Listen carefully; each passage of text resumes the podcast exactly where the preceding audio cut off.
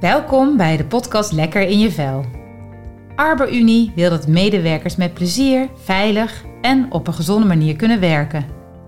Experts vertellen over de aspecten die er een belangrijke rol in spelen en wat jij als werkgever hieraan kunt doen.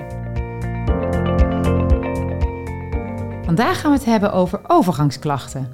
Want bijna een miljoen van alle werkende vrouwen van Nederland heeft hiermee te maken. En de helft hiervan ervaart zulke heftige klachten dat ze zelfs uitvallen op het werk. Nou, als werkgever heb je dus veel baat bij om deze dames goed te ondersteunen deze periode.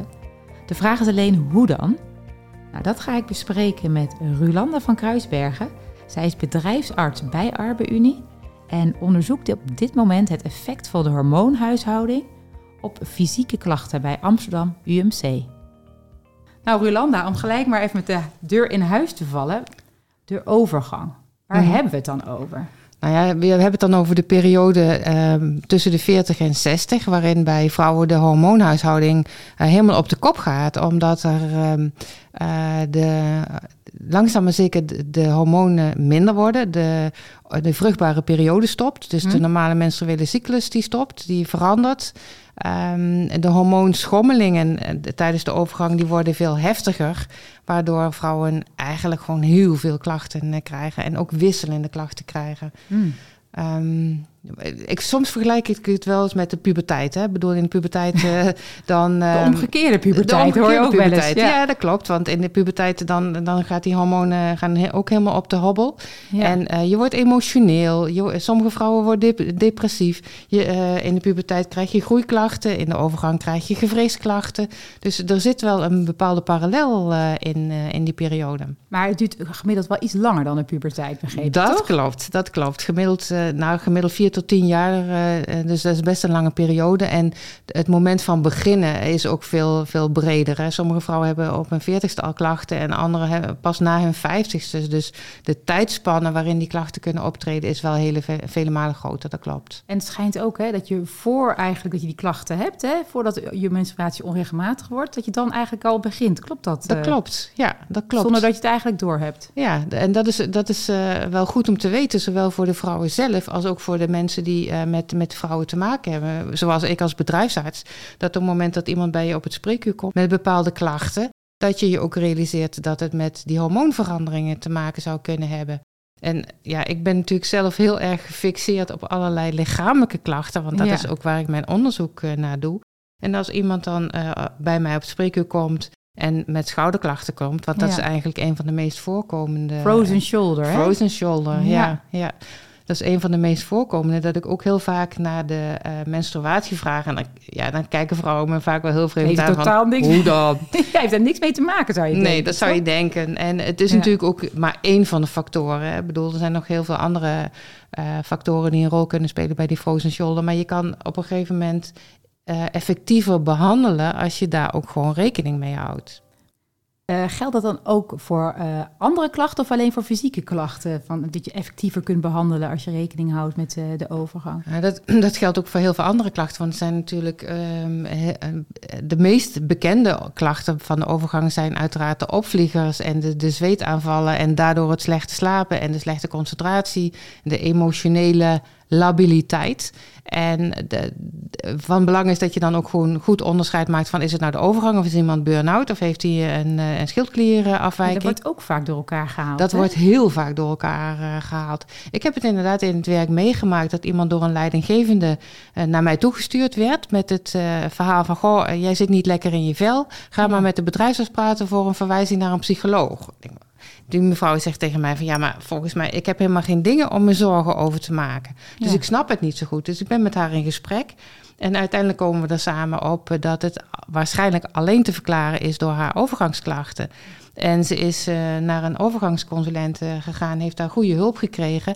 En van overspannenheid was geen sprake. Maar overgangsconsulenten zijn helemaal gespecialiseerd eigenlijk in overgangsklachten en eh, behandelingen daarin. Of wat Ja. doen, wat doen eh, Ja, dat, die gaan het gesprek aan inderdaad met, eh, met, met vrouwen. En om te kijken wat zij eh, nodig hebben. Soms is dat alleen maar een goed leefstijladvies. Soms is het ook iets van supplementen of hormoonpleisters.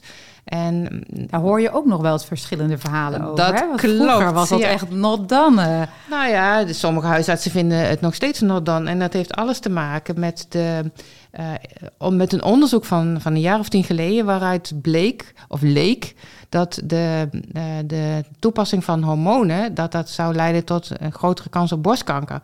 Maar dat ging over hele andere invloeden en eh, hoeveelheden. En dat ging over hele andere hormonen dan die nu toegepast worden. Bovendien slik je de hormonen niet, maar worden ze als pleister toegepast. Dus de, de effectiviteit is anders. En het, de kans op borstkanker is hele vele malen kleiner dan dat er ooit gesuggereerd werd. Maar dat blijft dan toch hè, bij mensen nog in hun hoofd eh, Ja. hangen. Ja, maar dat, ja, weet je, dat, zo werkt eh, eh, publiciteit, zo werkt eh, informatie die te vinden is op, op internet. Ja. Er is, je moet altijd heel goed zoeken naar de goede informatie. Er is ook voor vrouwen die, zich, die daar wat meer over zouden willen weten op, in- op internet heel veel hele goede informatie te vinden.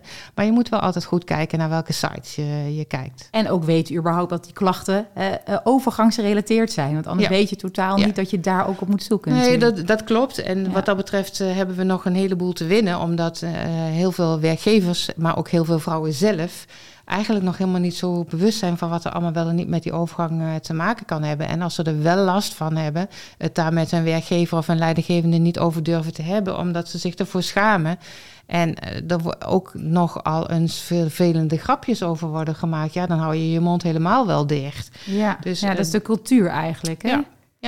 Nou ja, je ziet Ja. nu langzaam maar zeker wel dat er wat meer aandacht begint te komen, ook bij werkgevers, eh, voor wat de overgang met vrouwen kan doen. En dat je dan dus ook zorgt dat, er, dat het meer bespreekbaar wordt in de organisatie. Want het gaat toch om een miljoen vrouwen, hè? ja, Een dat zijn er heel veel. die werken en die klachten hebben. Ja. Dat denk, en dat gaat ook gepaard dan, eh, als ze echt eh, heftige klachten krijgen, dat ze gewoon ziek melden. Ja, dat klopt. Eh, In de Ja. leeftijdscategorie 40 tot 60 eh, is 35% van, van het verzuim van die vrouwen is mede te wijten aan, eh, aan de overgang. 35 procent? 35%, ja, dat is dus best wel veel. Ja, zeker. En om dat in maat en getal eh, uit te drukken, ik heb dat voor een van de organisaties waar ik voor werk, eh, heb ik dat uitgerekend. Dat is een, een bedrijf met 3000 eh, medewerkers, waarbij ongeveer twee derde vrouw is. Oké. Ehm, op jaarbasis kost het ze 600.000 euro. Zo, Dus als je een deel daarvan zou investeren in voorlichting, Ja. eh, maatregelen, dingen die je kan doen eh, om het die vrouwen makkelijker te maken, dan heb je dat heel snel terugverdiend. ja. En heb je ook wat eh, een positiever, vitalere dames aan Ja, het werk. Zeker. Het is ook weer zeker. goed voor je, je, je cultuur. Voor je imago Ja. als werkgever. En zeker op dit moment waarbij het voor werkgevers niet altijd even gemakkelijk is om voldoende personeel te vinden, kan dat wel een belangrijke rol spelen. Eh, nu hebben we het eigenlijk over hè, frozen shoulder, fysieke klachten. Mhm. Maar zijn er ook eh, andere klachten? Dat je zegt dat is typische overgang. Ja, de, de emotionele eh, klachten, de, de depressieve klachten, de probeer, problemen met concentratie. Ehm, en uiteraard de meest voorkomende zijn de opvliegers en de hartkloppingen. Ja. Waar, en waar, waardoor je soms ook hele slechte nachten hebt en dan slecht slaapt en niet goed kunt functioneren. Ja, en ook alleen slecht slapen hoort het er ook bij? Want ik ken ik genoeg eh, dames die Ja. er echt wel last van hebben. Ja. Alleen slecht slapen, dat kan natuurlijk ook. En wa- wat natuurlijk ook zo is, is dat je eh, wat vaker je bed uit moet s'nachts om te plassen en daardoor slechter slaapt. Begint dat ook al bij de overgang? Dat begint ook al bij de overgang. Maar daar hebben mannen toch ook last van? Ja, mannen hebben dat ook, maar bij mannen zijn de eh, hormoonveranderingen wat minder intensief, hè, omdat het, eh, het testosterongehalte, het mannelijke geslachtshormoon, eigenlijk veel langzamer daalt en heel geleidelijk daalt. Hmm. Terwijl bij vrouwen eh, is de, ehm, de hormooncyclus altijd al redelijk cyclisch Ja. en dus veel wisselender, veel wispelturiger. Ja. Dus ook mannen krijgen wel last dat ze wat vaker, na, eh, wat vaker s'nachts uit bed uit moeten. Ook op oudere leeftijd wat, eh, wat depressief eh, kunnen worden of emotioneel instabiel. Maar dat begint vaak pas, meestal pas na, na hun zestigste. Dus daar Echt heb je tien jaar later dan echt tien jaar eigenlijk later, de ja. vrouwen. Ja, Mm, mm. Maar die eh, fysieke eh ongemakken, horen die ook niet gewoon bij het ouder worden? Want ook op het hockeyveld hoor ik ook mannen, hè, die hebben gewoon ook gewoon wat meer, ja, meer blessures en dat soort zaken. Dat, ja, hoort dat dan bij zo'n uh, overgangsjaar of gewoon bij het ouder worden? Nou, allebei. Ik bedoel, eh, door, naarmate je ouder wordt, krijg je natuurlijk wat meer slijtageklachten. Alleen wat de, uh, de klachten die vrouwen krijgen, hebben te maken met de hormoonveranderingen. Kijk, en ja. de hormoonveranderingen hebben te maken met het bindweefsel wat om het gewricht zit. Dus een ander mechanisme. Dat is een belangrijke. Dat is zeker een belangrijke. Ja, En daar kun je wel, uh, in, in, in bepaalde mate kun je daar wel wat aan doen door gewoon fysiek fit te blijven. Mhm. Um, door te bewegen, uh, een goede, gezonde leefstijl uh, te hebben. Dus dat zijn niet te zwaar te zijn natuurlijk. Dat zijn allemaal dingen die er invloed op hebben. En wat ook wel belangrijk is, dat overgewicht heeft ook invloed op de mate van klachten die je hebt. Om, ook bij mannen. Hè? Ja. Um, naarmate je meer overgewicht hebt, meer vet hebt, uh, heeft dat invloed op je oestrogeenhuishouding, op mm -hmm. je, een deel van je, van je vrouwelijke geslachtshormoon. Ook mannen hebben homo, uh, oestrogenen en ook mannen met een bierbuikje hebben meer last van, uh, van oestrogenen, dus kunnen dan wel meer klachten krijgen. Ah, maar ja. ook bij vrouwen. En iedere vrouw, bijna iedere vrouw wordt rond de overgang worden ze dikker. Ja, en ja. Overgangskilo's noemen ze dat precies, wel eens. Ja, precies. En ik weet uit eigen ervaring dat ze na de overgang wat makkelijker weer weggaan. Ah, dus het gaat ook weer over. Het gaat ook weer over. De meeste klachten gaan ook weer over. Kijk, maar dat goed, is goed het te is horen. natuurlijk wel uh, ja. een hele lange periode. Ja, maar ja. de invloed die Bij de ene ook weer korter dan bij de ander, Zeker, toch? zeker. Kijk, weet je, um, ieder mens is, uh, is uh, uniek. En dat Ja. geldt ook voor, voor de hormoonhuishouding. Dat dat niet bij iedereen evenveel impact uh, heeft. Dat wisselt Nee. nogal. Maar toch, hè, een miljoen vrouwen die last hebben eh, op het werk ook met de overgangsklachten. Dus als werkgever eh, ook super belangrijk om daar ehm, eh, in ieder geval rekening mee te houden. Want uit onderzoek blijkt dat 35% van ziekteverzuimen van vrouwen boven de 45 overgangsgerelateerd is. Hè? Wat zou je als werkgever nou hieraan kunnen doen? Uh, er zijn een aantal dingen die je kunt doen. Um, heel, het hangt natuurlijk ook een beetje af van de organisatie uh, uh, of wat, wat voor soort bedrijf eh, je bent. Uh, als het mogelijk is en, vrouw, en iemand heeft een nacht slecht geslapen, dat je wat makkelijker, wat flexibeler in je werktijden uh, kan zijn. Ja. Um, op het moment dat je in de zorg werkt met een vast rooster, is dat natuurlijk wat minder makkelijk te regelen. Maar je zou ja. in overleg met, met uh, de vrouwen zelf in de organisatie kunnen kijken of je wellicht op een andere roostering zou moeten kunnen kijken. Maar de enige ja, creativiteit daar ja, is lastig. Ja. Maar weet je, op het moment dat je met, met de uh, mensen waar het om gaat in gesprek gaat, dan is er wel zodanige creativiteit dat er wel oplossingen gevonden uh, worden. En ik denk dat het heel belangrijk is om de oplossingen niet als werkgever te bedenken, maar dat ook samen te doen met de mensen waar het om gaat. Ja. Um, maar ja, dan moeten het wel inderdaad, hè, die duidelijke klachten, zeg maar. Mm -hmm. ja, dat mensen zeggen van opvliegers, dat, dan kun je heel makkelijk relateren aan de overgang. Maar wat er onduidelijkere klachten. Ja, dat is misschien dat ze dat niet zo relateren, maar dat je dat dan wat preventiever zou kunnen. Dat het gewoon niet op, niet op gaat treden. Nou, echt helemaal niet optreden, helemaal voorkomen kun je natuurlijk niet, hè? Um, kijk, weet je, de, de, de, nee, echt helemaal voorkomen kun je het gewoon niet. Maar je kunt het wel positief uh, beïnvloeden door uh, gezond te eten, gezond te bewegen, um, flexibele werktijden te hebben. Maar, en wat je als werkgever ook kunt doen is als de uh, bijvoorbeeld bedrijfskleding, die soms nogal synthetisch is. En als je dan uh, opvlieger hebt, dat nee. je tussendoor een keertje kan douchen en schone kleren kan aantrekken. In ja. plaats van dat je de hele dag in zo'n stinkende ja. jurk rond blijft, moet blijven lopen. Dat, nee. dat is niet fijn natuurlijk. Nee, wat passende maatregelen eigenlijk. Passende maatregelen. Even tussendoor misschien kunnen liggen als je, even, als je heel slecht slaapt. Dat soort, dat soort ja, maatregelen ja. ook. Daar, daar worden ook wel experimenten mee gedaan uh, in de ziekenhuizen met een soort uh, virtual, virtuality braille. Maar ook een, een soort slaapei waarin mensen gewoon een kwartier even een break uh, kunnen hebben. Ja, of zo van die massage mat, uh, matras ja, heb ik ja, ook wel Gewoon even pauze om uh, even weer, uh, weer tot rust te komen.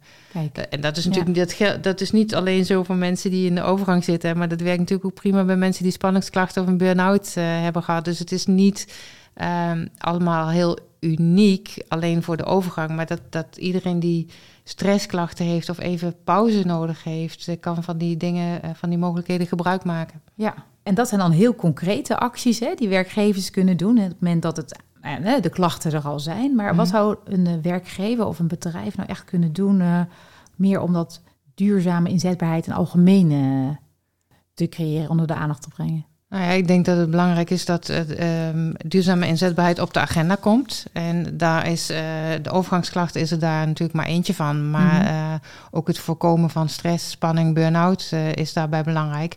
En beleid maken, dat betekent in eerste instantie dat je er aandacht voor hebt. Ja, En vervolgens dan eh, de, eh, het in de organisatie ook bekendheid gaat geven. Van Ja. oké, ja, Ja. door bekendheid te geven aan welke factoren er allemaal een rol kunnen spelen in duurzame inzetbaarheid. Waarbij eh, overgangsklachten een, een rol spelen. En de slapeloze nachten die dat met zich meebrengt. Niet alleen voor de vrouw zelf, maar soms ook voor de partner die daar wellicht dan last van die heeft. ligt ernaast. Die ligt ernaast, ja. Ja, en dan Nee. hoop, eh, hoop je maar dat hij wel eh, slaapt. Dus in die zin kan dat voor meerdere mensen invloed hebben. En duurzame inzetbaarheid is belangrijk, want daar kun je ook als werkgever mogelijkheden voor bieden in het kader van leefstijl. Zorgen dat er voldoende water te drinken is, hè, want koffie is niet zo gezond. Nee. Ehm, dat, dat verhoogt het aantal opvliegers. oh, echt? Ja, echt. Oh, ik dacht in algemeenheid niet gezond. Maar het heeft ook echt...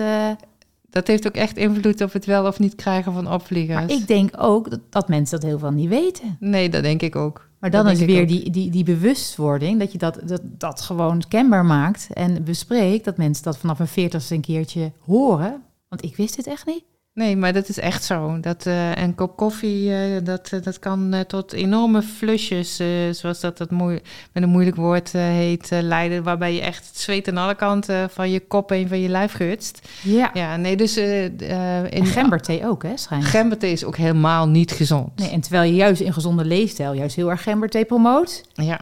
Ja. En dan moet je dat eigenlijk weten, dat je dat al zo Ja. net niet moet doen als je Nou last ja, hebt van... Zo eh, zijn er natuurlijk een heleboel feiten en fabels eh, over wat allemaal wel niet in- eh, invloed eh, heeft op, eh, op de overgangsklachten. Dus eh, als je daar wat meer bekendheid over geeft voor de hele organisatie, hè, zodat eh, iedereen daar profijt van heeft, zowel de mannen als de vrouwen. Ja, Want eh, ook een heleboel mannen in een organisatie hebben een partner thuis of een moeder eh, die af en toe wel eens eh opvliegers zal eh, hebben. ja. Eh, want ik begreep, hè, dus de vrouwen met klachten, die het vaak dan wel bespreken met een eh, vrouwelijke collega. Mhm. Maar de manager al bijna hier niet eh, eh, lastig vallen, zeg maar.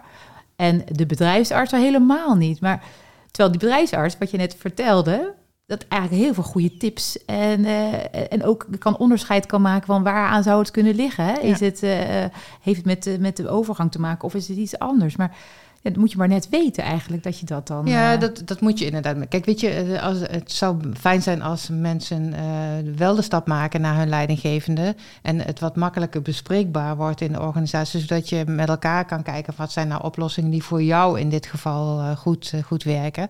En lang niet iedereen heeft een bedrijfsarts nodig hoor. Maar het, de bedrijfsarts kan wel helpen in het onderscheid maken van ben ik nou overspannen of is het een, een schildklierprobleem of eh, het de overgangsklachten? ja, wat dat voorbeeld hè, wat je toen straks eh, Ja, noemde. ja. Kijk, Ja. en dus daarin, maar een bedrijfsarts kan je ook helpen bij het formuleren van een beleid in de organisatie of de arbeidsdienst kan je ook helpen met het formuleren van een beleid. Welke stappen je daarin eh, gaat zetten. Want het, eh, je moet niet zomaar iets droppen. Het moet wel iets van de organisatie zelf zijn. Ja, en ergens geïntegreerd in zijn. Hè? Ja, het moet onderdeel zijn van je personeelsbeleid ja. en van je eh, inzetbaarheidsbeleid. Ja, en dan deze fase specifiek. Die mag dan wat je- extra aandacht. Want de Ja. aandacht in organisaties is er eh, eigenlijk nog te weinig. Het begint nu wat te komen, omdat er wat meer publiciteit eh, is. Dus er komt wat meer aandacht voor. En Maar- ook misschien dat er tekort aan werknemers is. Dat ze ook wel moeten om, om deze dames eh, te behouden. Ja, en met name in de Ja. zorg zie je dat heel veel vrouwen eh, in deze leeftijd eh, juist de zorg verlaten. om, omdat ze andere keuzes maken. En als je ze wel kunt behouden, Ja. is dat alleen maar goed. Win-win. Yes. Ja. En ook, hè, ze voelen zichzelf ook fitter. Hè, dat je als je niet te veel koffie drinkt, geen gemberthee en heel veel water. Want het Mhm. schijnt ook goed te zijn weer voor je hersenen. Ja, voor je concentratie. Concentratie. Dus eh, dat is bij iedereen is dat natuurlijk. Maar het schijnt bij in de overgang nog he- belangrijker te zijn, toch? Ja. ja dat, uh, dat lijkt uh, uit onderzoek zo te zijn. Maar de, de uh, water is natuurlijk altijd voor iedereen gezond. Hè? Ja. En concentratie is wel een ding waardoor, je wat ma wat, waardoor het wel belangrijk is dat je wat vaker wat korte pauzes kan nemen. Omdat je gewoon niet meer zo lang achter elkaar geconcentreerd met iets bezig kan zijn. Maar dat is ook belangrijk als werkgever, mm -hmm. om daar de faciliteiten in te... Als je heel, heel werk hebt, wat je heel, hè, heel veel moet concentreren, dat ja. je dan gewoon bewust vaker. wordt van je dat je eventjes... Uh... Even pauze, even pas op de plaats. Ja, je hebt ook van die programma's voor, toch? Ja, dat klopt. Maar dat gaat, iedereen zet het altijd uit op de, op de laptop. Ja, dat klopt. Dat zijn hele goede preventieve programma's om te voorkomen dat je overspannen wordt. Maar iedereen zet hem inderdaad altijd uit. Ja, maar als je dan alweer dat gesprek aangaat hè, met die werkgever. Nou, jij zegt, uh, je bent ongeveer 45 plus. En dat je, nou, jij hebt zo intensief werk.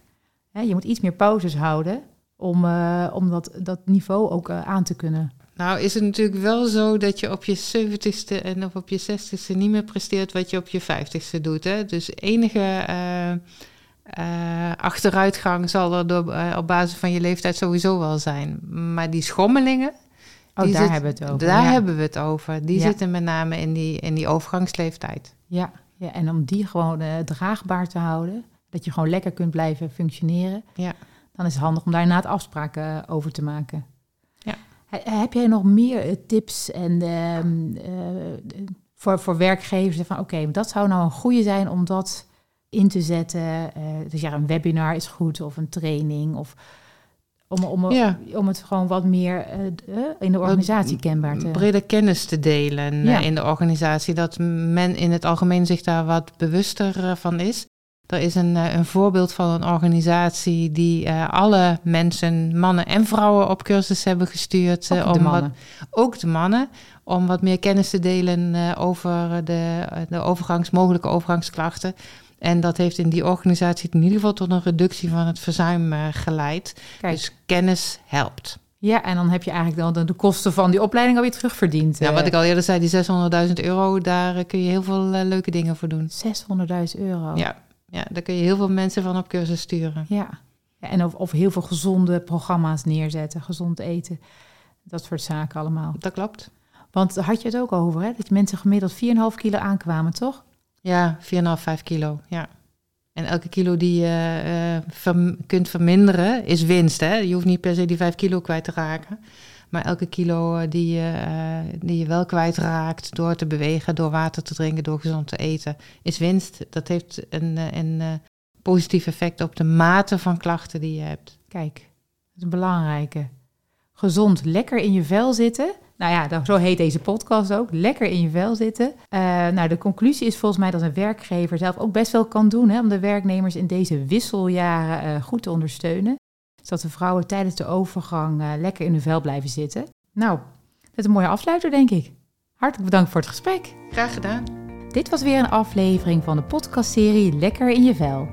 We hopen natuurlijk dat we je hebben kunnen inspireren om met leefstijl aan de slag te gaan. En wil je meer weten over hoe je mensen lekker in de vel laat zitten? Luister dan naar onze volgende aflevering in deze podcastserie Lekker in je vel.